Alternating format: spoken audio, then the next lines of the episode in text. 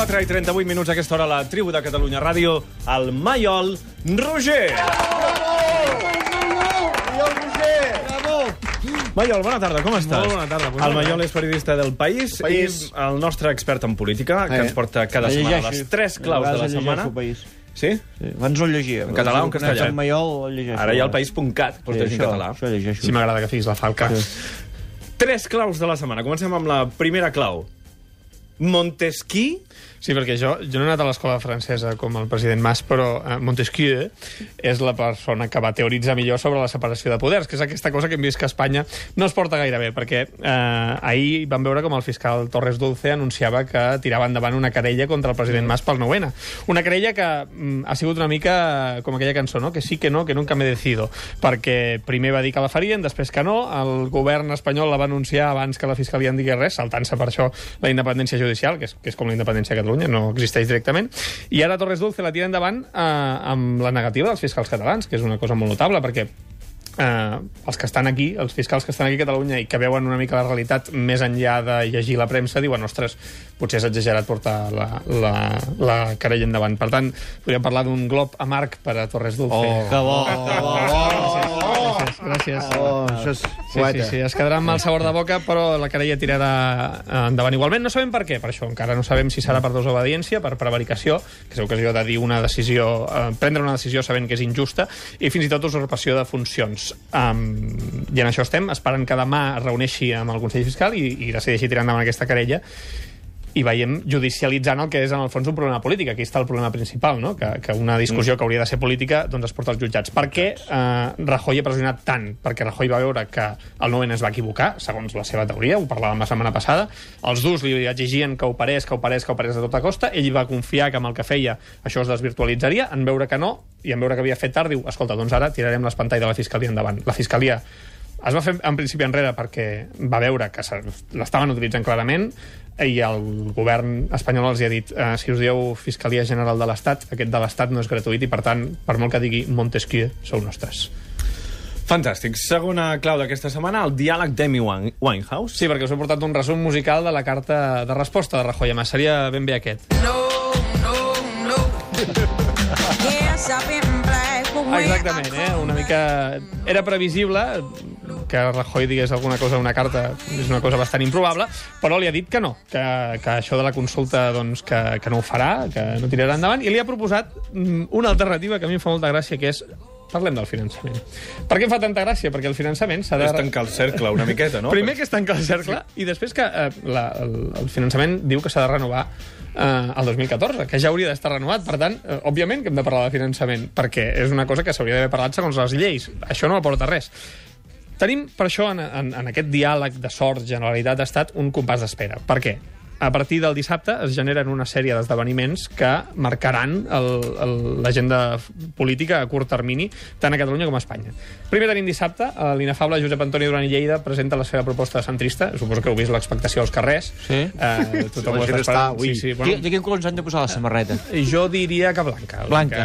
O, o blau clar. És una Val, persona sí, val, d'ordre. val, sí. La renovació política d'aquí porta 32 anys eh, dirigent Unió Democràtica.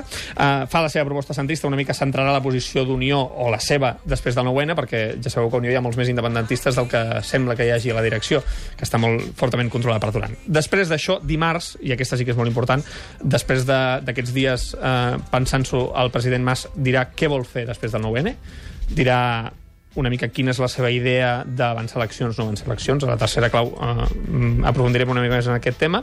I dissabte, per fi, dissabte 29 de novembre, també hi ha molta expectació al carrer, arriba Mariano Rajoy a Catalunya. Bravo. Eh, els independentistes estan espantats perquè un cop Rajoy arribi a Catalunya, segurament les seves propostes eh, afavoriran a tothom i tothom eh, deixarà de pensar que la independència és una bona solució.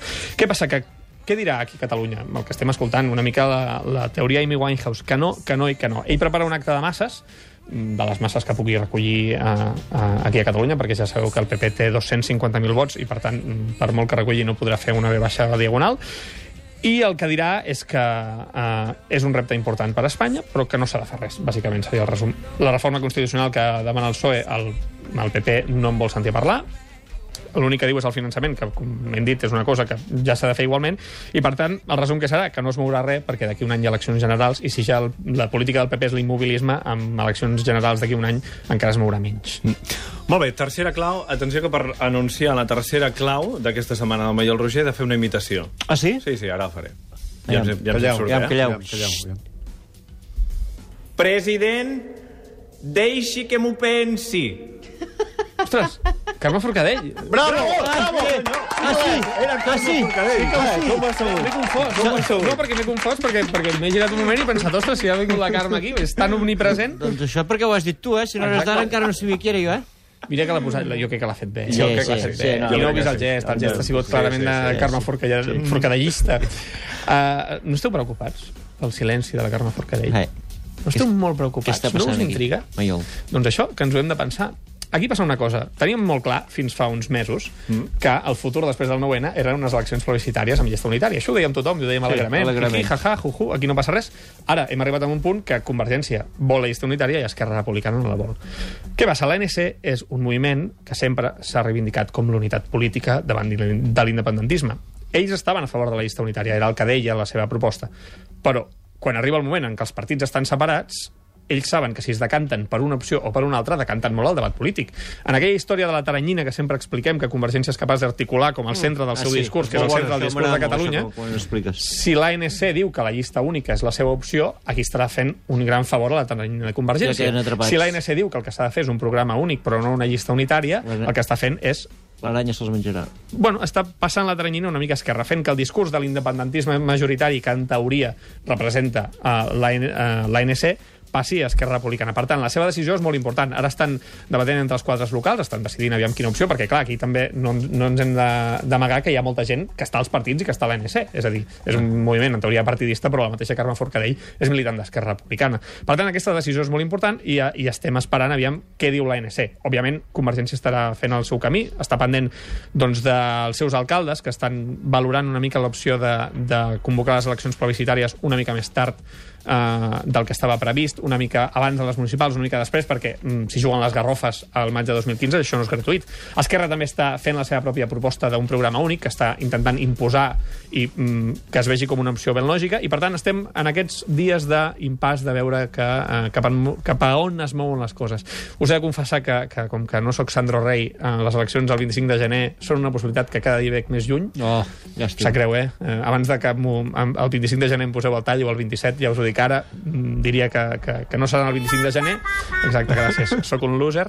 Eh, doncs, però és, és possible que siguin a- al febrer o al març. Eh, el, el, a Ara Convergència no el que val, eh? m'agradaria... Cada setmana anar dient dates. Sí, jo, Jo diria, dimarts que ve. Creus que l'anunci eh, que ha de fer Artur Mas va en aquesta línia? no, jo crec que no, perquè tenint en compte que dissabte ve Mariano Rajoy i que a més Mas li ha fet una oferta seriosa de seure's a parlar a parlar de res, o parlar de futbol, o parlar del que sigui, però a parlar suposo que no anirà amb una data de les eleccions plebiscitàries. És possible que després de la reunió de Rajoy ho decideixi i ens digui si les fa abans de les municipals o després. El calendari és, és, és, mm. és molt estret, perquè hi ha les municipals al maig i hi ha les generals al novembre. El bany, En de parlarem. masses, el bany de masses de Rajoy és el camp del Barça, on t'ho fa? Mm, és que no sé si es quedarà petit, eh, el camp del Barça, segurament. Clar.